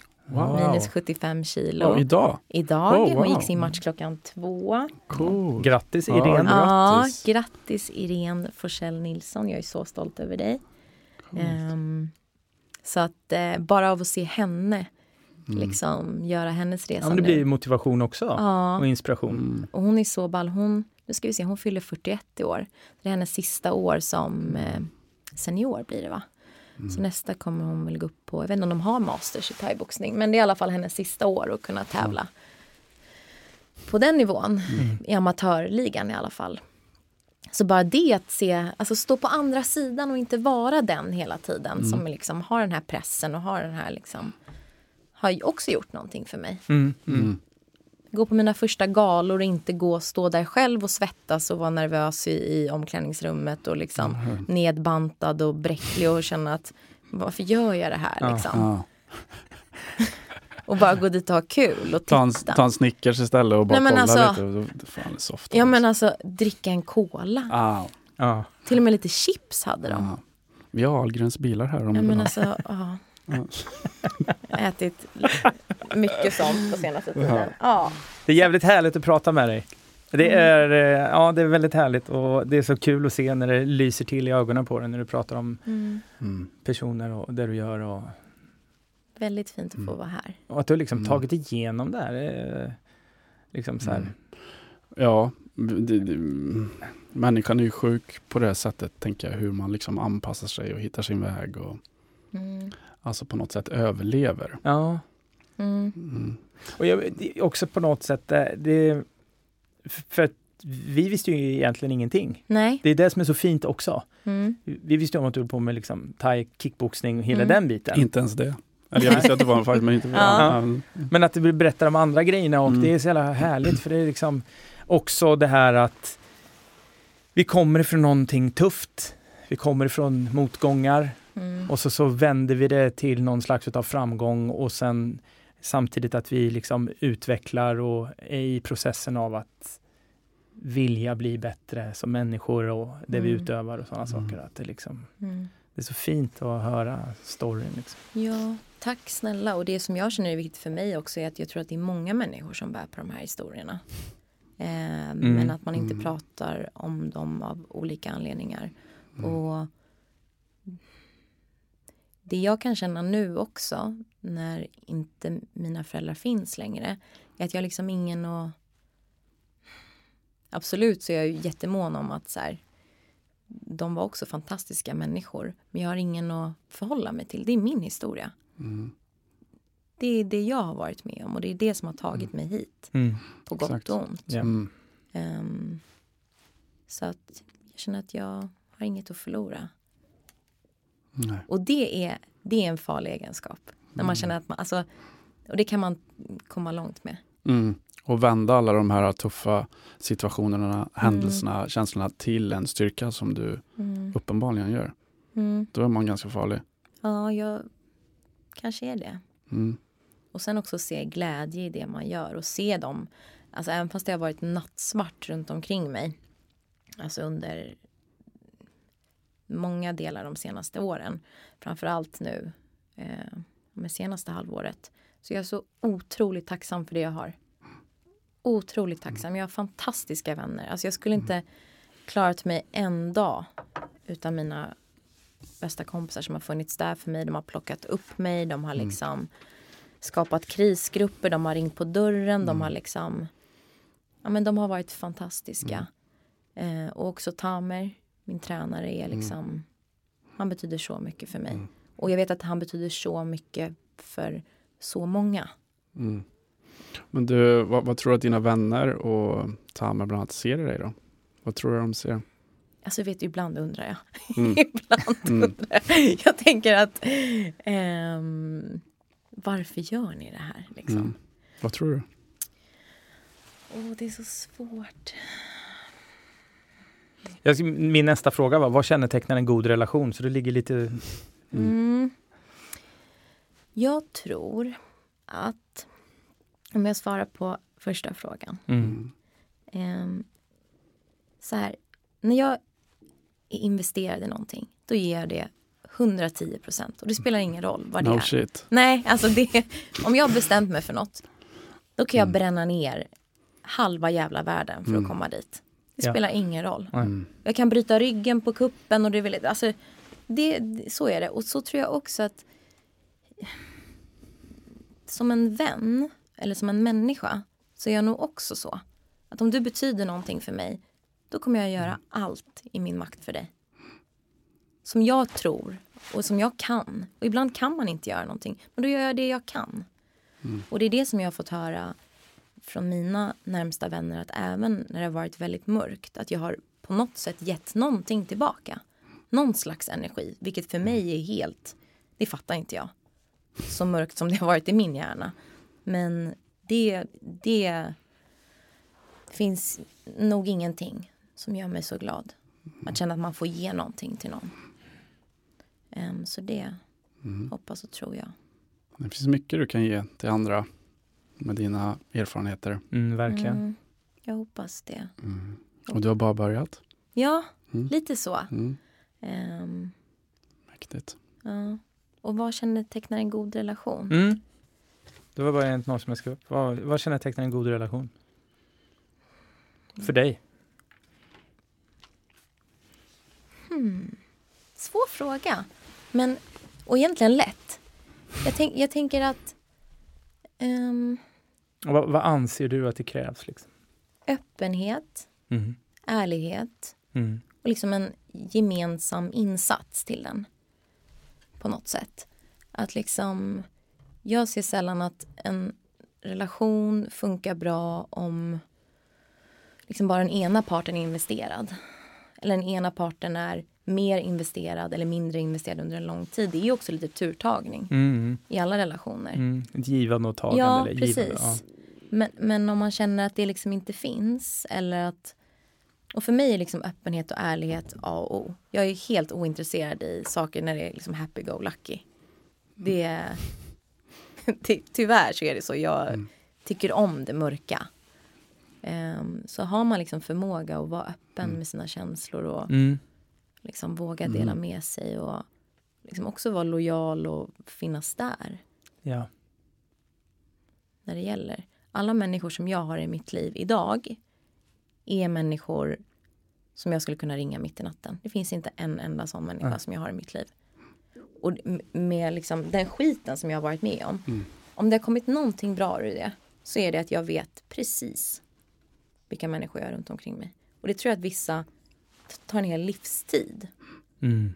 För man är inte med om liksom, den här skiten på så kort tid. Ja, för då har det verkligen varit, det har verkligen varit Ja, under en... Koncentrerat. Ja. Mm. Så, um, nej. Och det kan jag ju känna med mina vänner idag, liksom att hur ska jag kunna återgälda dem liksom under en livstid? Och det kanske jag aldrig kan. Mm. Men då har jag fått lära mig någonting av eh, min fantastiska före detta svärmor Inger. Att när man gör en bra sak för en person så behöver man inte alltid ge tillbaka till just den personen. Man kan ge det till en helt annan person. Och den i sin tur kan ge det till en helt annan person. Och på så sätt går det runt. Yes. För det kanske aldrig är så att det tajmar. Mm. Och det har hon verkligen givit mig. Och Mm. hon är också en sån superviktig människa i mitt liv. Även om hon inte är min svärmor idag så kommer hon alltid vara min svärmor. Mm. Tänk på ett djur. Hund.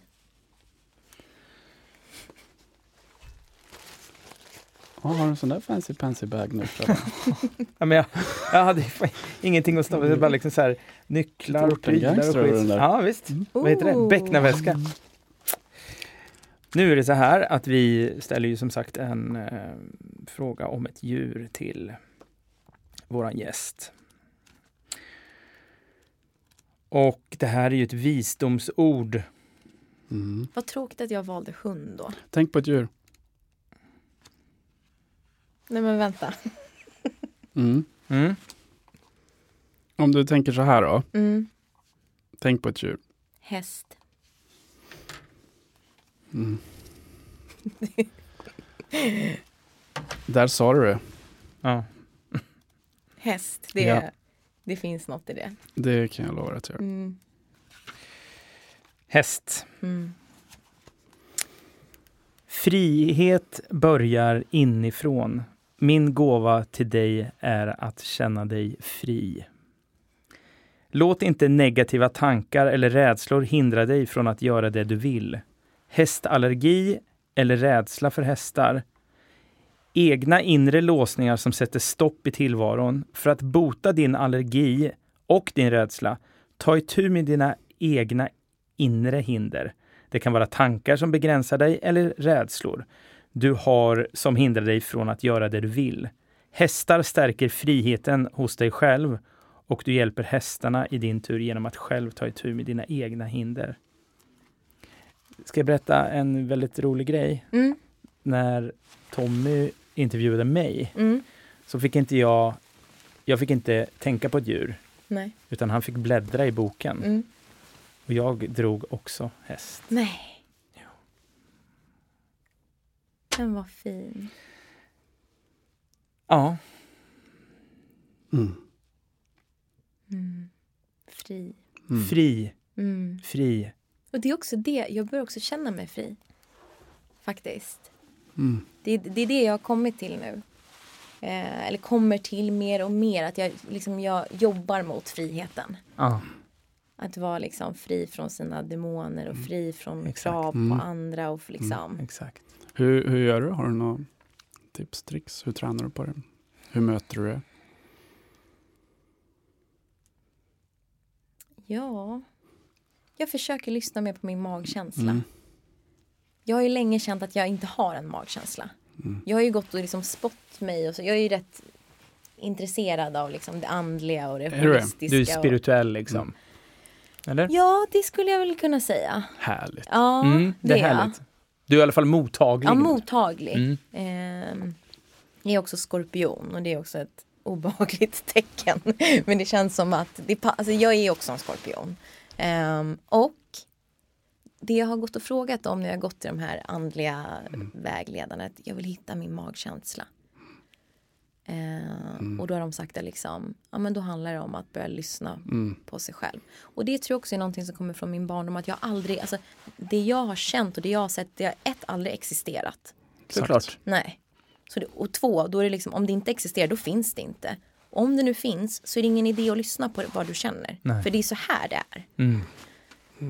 Så du går på autopilot hela Ja. tiden? Mm. Och jag tror också att eh, i, i det mindsetet som jag var liksom när jag började min eh, kampsportskarriär i landslaget så också, då bl- blev det lite på samma sätt. Nu ska du göra det här, nu är den här matchen, nu är liksom nu är det bantning, nu är Såklart, för då kan du hålla fokus på det också. Exakt. Då slipper du känna, då slipper du vara i något annat. Precis, och, och, och jag menar då var jag ju helvetets brinnande eld. Ja. Om det inte var en pappa som precis hade dött så var det liksom Mm. mamma som hade cancer. Och, ja, men alltså, jag ville inte vara där utan jag ville vara Mm. någon Exakt. annanstans. Men nu är jag inte där längre. Mm. Och det, skönt. ja, och det är det som också är svårt för min kropp och min hjärna att förstå. Att den är inte under det här hotet som den har varit Mm, under så lång tid. Precis. Och inte bara de senaste fem åren utan förmodligen hela mitt liv. Mm. Mm. Och jag tror nu, när jag börjar landa lite, så kommer de här liksom. Ja, och du ger den där, alltså den där, säger jag, men dig själv, den kärleken. Mm, Mm. Och den värmen och den liksom uppskatt och verkligen känner den. mm, Då eh, händer det nog grejer. Mm. mm, Och, eh, det här är ju någonting som man har lärt sig och sådär, men att eh, ibland att man tar hand om den där lilla ungen. Alltså att man tar hand om lilla Sofia eller lilla Tommy eller lilla Frebban. För ibland så är det ibland det lilla barnet som pratar, som behöver någonting. mm. Och då får man på något sätt, så här, det är klassiskt, men Mm. just att man axlar på något sätt och kanske kan se det som en, Mm. i alla fall en metafor i att, så här, att det är lugnt. Mm, I got your back. mm. Jag tar hand om det nu. Det är Mm. lugnt. Vi, behöver inte, vi behöver inte vara oroliga nu. Nej. Vi behöver inte vara medberoende i det här. Vi behöver, inte, vi behöver inte ta ansvar för någon annan längre. Mm, Jag behöver bara ta ansvar för mig mm, och att jag mår bra. mm. Mm. Men verkligen. Alltså, gud vad jag har jobbat med det och jobbar fortfarande med det. Mm. Och sen också liksom meditationsbiten. Mm. ehm, är jag också inne på. Ja, men jag, jag, har liksom, jag håller på att öppna lite dörrar nu. Mm. Så vi får se vart det bär av om jag blir en full-blown witch. Det, det kan Ja, också bli wow. så. En shaman blir Ja, jag drog Mm. faktiskt ett sånt kort för ett tag sedan. Och då fick jag liksom. Ja. Ja, me too. så vi får se vart det bär av. Mm. Ja. Eh, men det... Men meditation och eh, framförallt eh, andning. Mm, Eh, och om man vet om att man har kanske varit lite i lite sådär, ja, men, kanske panikångest och lite sådana saker. Då har man en annan, då toppandas vi. mm, Då är vi då är vi i kallt vatten och det är jävligt jobbigt liksom. Mm. Då har man tryck i bröstet och runt hals och sådär liksom. Kan man träna på boxandning som Mm. vi pratar lite då och då om i podden men eh, boxandning är jävligt bra. Andas fem, hålla fem, andas ut fem, hålla fem. mm, Göra den och på något sätt träna på att kunna vara fokuserad i det. mm, Super, super bra. mm, Och sen i slutet av att man har gjort det ett tag så kan man då gå in i det meditativa. Alltså Mm. man är det då för att man har liksom på något sätt eh, ja vad säger man, planat, planat Mm. ut.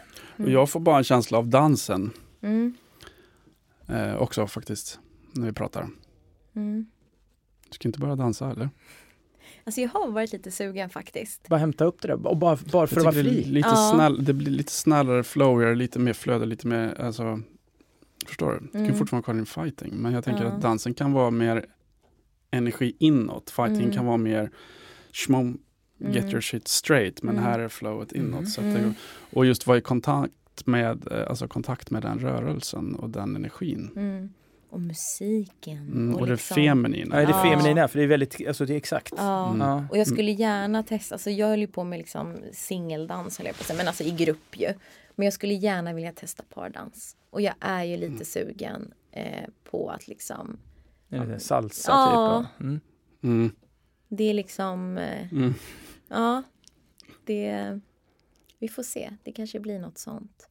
På lite på sidan av. Och jag tror också att jag har ju nytta av det inom fightingen. Och sen är det liksom, vi har ju inga planer att lägga handskarna på hyllan för gott. Utan det här är liksom en liten paus i mitt liv. Ja. Vadå, det är bara ett extra verktyg. Det är Ja. mer verktyg. Ja. Du, bygger, du bygger ju din, liksom, du bygger din pyramid så här. Ja. Du hittar olika eh, ingångar och mer verktyg. Du blir bättre. Du tar in olika inputs ifrån Mm. olika delar. Det är väl så Mm. man blir grym. Det är ju erfarenheter. Det är Mm. liksom, Ja, och jag känner det också nu att sen när det inte är samma press på saker och ting att jag kan latcha Mm, mer. Exakt. Mm. Alltså det är skitkul på sparring. Alltså jag har hållit på ett tag nu och övat snurrsparkar. Mm. För jag fick en sån jävla bra sån på EM av den här turkiska stenhårda tjejen. Satt rakt i kistan. Och jävlar, och jag försökte ju inte visa min så jag bara mm, Mm. höll ihop liksom. Och så tänkte jag bara sånt där ska jag göra. Och nu börjar Mm. de sitta rätt bra. Men jag har liksom också kunnat göra det nu ett tag för att jag vet att jag liksom inte måste prestera Mm. på topp Ja. varje sparringpass utan jag kan ha kul. Mm. Jag tror det är så viktigt att tänka på prestationsfia eh, där. Mm, I allting mm. faktiskt. Men fortfarande ha mål. Det kan man ha. Ehm, Liksom lite riktning. Mm. Mm. Man kan ju ha delmål i det Ja. liksom. Mm. Och det känner jag också nu att så här, under de här månaderna har jag också kunnat fokusera mig på mitt jobb. Ehm, Vad jobbar du med? Efter en och en halv timme? ja, ja nej, men jag jobbar på polisen eh, Mm. med barn som blir utsatta för våldsbrott och sexualbrott. Mm. Är, är du socionom typ? Eller? Nej, jag har en kandidatexamen i psykologi. Mm. Så det är på den vägen. Mm. Ehm, så jobbar jag som utredare och jobbar mot att bli barnförhörsledare. Fantastiskt. Så det är också någonting som och det är också någonting som jag älskar och brinner för. Mm. Mm. Att jag kunna lägga lite mer krut där. Mm. Liksom, för jag känner att jag är så mycket mer än fighting. Mm. Mhm. Jag, liksom, jag började så sent. Jag har liksom, nu kommer min mamma där, du har en hjärna, använd den. Men liksom lite så, jag är intresserad av så mycket andra saker. Eh, och jag tror att det har varit en jätteframgång i min fighting, för det har inte varit allt. Mm. Jag, liksom, jag har annat. Mm. Och jag tror att, ehm, ehm, genom att liksom satsa på lite annat nu, att det kommer gynna mig. Mm. Men vi får se i höst Mm. om det blir en vända med landslaget. Mm. Inget är omöjligt. Vad, vad drömmer du om? Öppen fråga. Mm. Ja, absolut. Tänker du inom fightingen eller i livet? Vad så? Ehm, livet. Men Livet. är ju en fight. Men, Ja, mm, men i livet. och vara lycklig och vara glad. Mm. Egentligen. Mm. Och vara glad. Mm. Och inte vara glad en kort stund utan Mm. att känna att det är liksom mitt Mm. neutral state på något sätt. Att det är Mm. liksom neutral glad. Inte trött, inte ledsen, inte. Det är liksom, det är allt. Och pengar, många människors drivkraft i livet är liksom pengar och så jag har aldrig tjänat en krona på min sport. Och det gör mig ingenting om jag aldrig gör det. I Mm. mitt yrke liksom, som jag jobbar nu som polisanställd, tjänar skit där också, men det gör ingenting. För det är det Mm. mest spännande som jag kan göra och det är det mest givande Mm. som jag kan göra. Mm. Ja, att du hjälper kids. Det är, Ja. Jag älskar det. Det är så jävla bra. Ja, lite följdfråga. Vad gör dig lycklig då? Vänner, kärlek. Mm. god mat, Mm. Mm. fina människor, Mm. Mer. djur. Mm. Jag skulle så gärna vilja ha en egen hund. Det har jag velat Mm. ha jättelänge. Ehm, men liksom, jag tror ändå att jag är en rätt liksom, trygghetsjunkie. Mm. Men jag vet inte riktigt hur man alla. gör. Det är det. Mm. Men jag, jag liksom gluttar dit. Mm. Och jag skulle så gärna liksom vilja ha en familj. Mm. Eh, eftersom att jag har förlorat min familj. Mm. Ehm, så det är jätteviktigt för mig. Jag skulle jättegärna vilja ha barn. Jag älskar barn. Mm. Ehm, så vi får se vad tiden har att utvisa för mig. Ja, Mm, det var egentligen min nästa fråga. Vad, vad gör du om tio år? Men det, Ja, om du är lycklig och allt det där så... ja är jag Mm. glad så är jag nöjd. Mm. Jag tror bara för vad gör dig lycklig? Gör mer av det. Mm, Mm. Och också lyssna liksom inåt på det. mm, Då blir du en bättre fighter i vare sig livet eller i Mm. ringen. jo, och det är precis. Ja, Du är väldigt fin. tack Ehm. detsamma. Ja, Ni med. ja, tack. Eh, vill du avsluta med något? Och jag, jag vill också så här faktiskt, har du, har du något råd till de unga? Eller till eh, människor överlag? Mm, Av alla dina lärdomar och erfarenheter och motgångar och medgångar. ja, alltså det är så svårt. För det enda jag säger är, gör inte som jag. Alltså, det, det är jag också ibland rädd för när jag berättar min historia. Att det ska bli som en solskenshistoria. Att det, liksom, det var tufft och sen så gjorde hon det här. Alltså, för så är det inte. Mm. Livet, liksom i alla fall mitt liv har verkligen inte varit en så. Alltså, det har bara varit liksom, jag har gjort det jag har kunnat. Mm. Och sen ibland har det blivit skitbra, ibland har det blivit skitdåligt. Mm. Men jag tror det att, att eh, men gör sånt som eh, men gör dig glad. Och våga satsa. Mm. Tro inte på den där mamman som säger att du har en hjärna, använd den. Om du vill dansa, om du vill fightas, gör det. Mm. Mm. Alltså det känner jag ändå på något sätt. Inte så mycket att förlora kanske att testa heller. Nej. Och... Um, ja, jag vet inte, jag kommer inte ens ihåg vad frågan var. Men ja, det är väl mitt råd. Och också, nummer två, ta hand om er skit. Ja, men lite så. Alltså det, Ja. shit vad jag tycker Ja. att alla borde göra det. Ja. Mm. Även om man tror att man inte har någon skit, så har man någon skit Ja. där inne. Yes. Och ta hand om. Och försök att göra det bästa du kan med det. ja, och det behöver inte vara, skit behöver inte vara negativt på det sättet. Det kan vara alltså, Men, Det- Ja. men våga lufta det liksom. Ja. Ja, Det stoppa, stoppa det där i garderoben, det kommer komma fram ändå. ja. Det, det, Mm. det gör det, det, det kommer. Och jag kan också säga, eh, när man väl får barn, Mm. så är det så att man, man, man speglar sig själv igen, man, man ser sin dotter och man får, alltså så här, det händer massa saker igen för att man blir påmind om sitt, där man har varit någonstans. Mm. Och så bara, det där ska jag inte göra, det där ska jag göra mer utav, det där ska jag inte göra, det där ska jag göra mer utav. Mm. Och så. Eh, men har man gjort jobbet innan, så att man har fått en liten bättre karta över sig själv, Mm. då blir det också lättare och bättre eh, som förälder. Mm. Ja, och det... Det kan jag tänka mig. Och sen kan jag också tänka mig att det kommer upp helt andra frågor när man blir förälder. Alltså som man kanske behöver jobba med på nytt. Ja, ja, absolut. Ehm, det kan jag i alla fall se hos mina kompisar som har barn. Att det kommer upp, alltså man behöver bearbeta det där Ja. lite som man liksom behöver traggla sig igenom. Och det är många gånger du sitter där och så bara, fan, nu säger jag exakt samma sak som Mm. Så att man Mm. måste påminna sig själv om att man bara, men det är, det är så sjukt att det är så djupt rotat Mm. i en i Mm. vissa saker. Mm. Så, Om du hade en eh, reklamskylt Mm. över stan, vad hade det stått? Åh, Gud vad svårt. Jag är ju en eftertänksam person. Jag är liksom vill ju sitta och marinera lite. Men det är ju kontrollen lite. Okej, men det, det första jag tänkte på var någonting som jag brukar säga till mig innan match. Och det är jag kan, jag vill, jag vågar. Fantastiskt. Mm. mm, Ja, det, det får avsluta Mm. ja. vår eh, otroligt fina tid med Sofia. Tack snälla för att jag fick komma hit. ja, tack. Tack.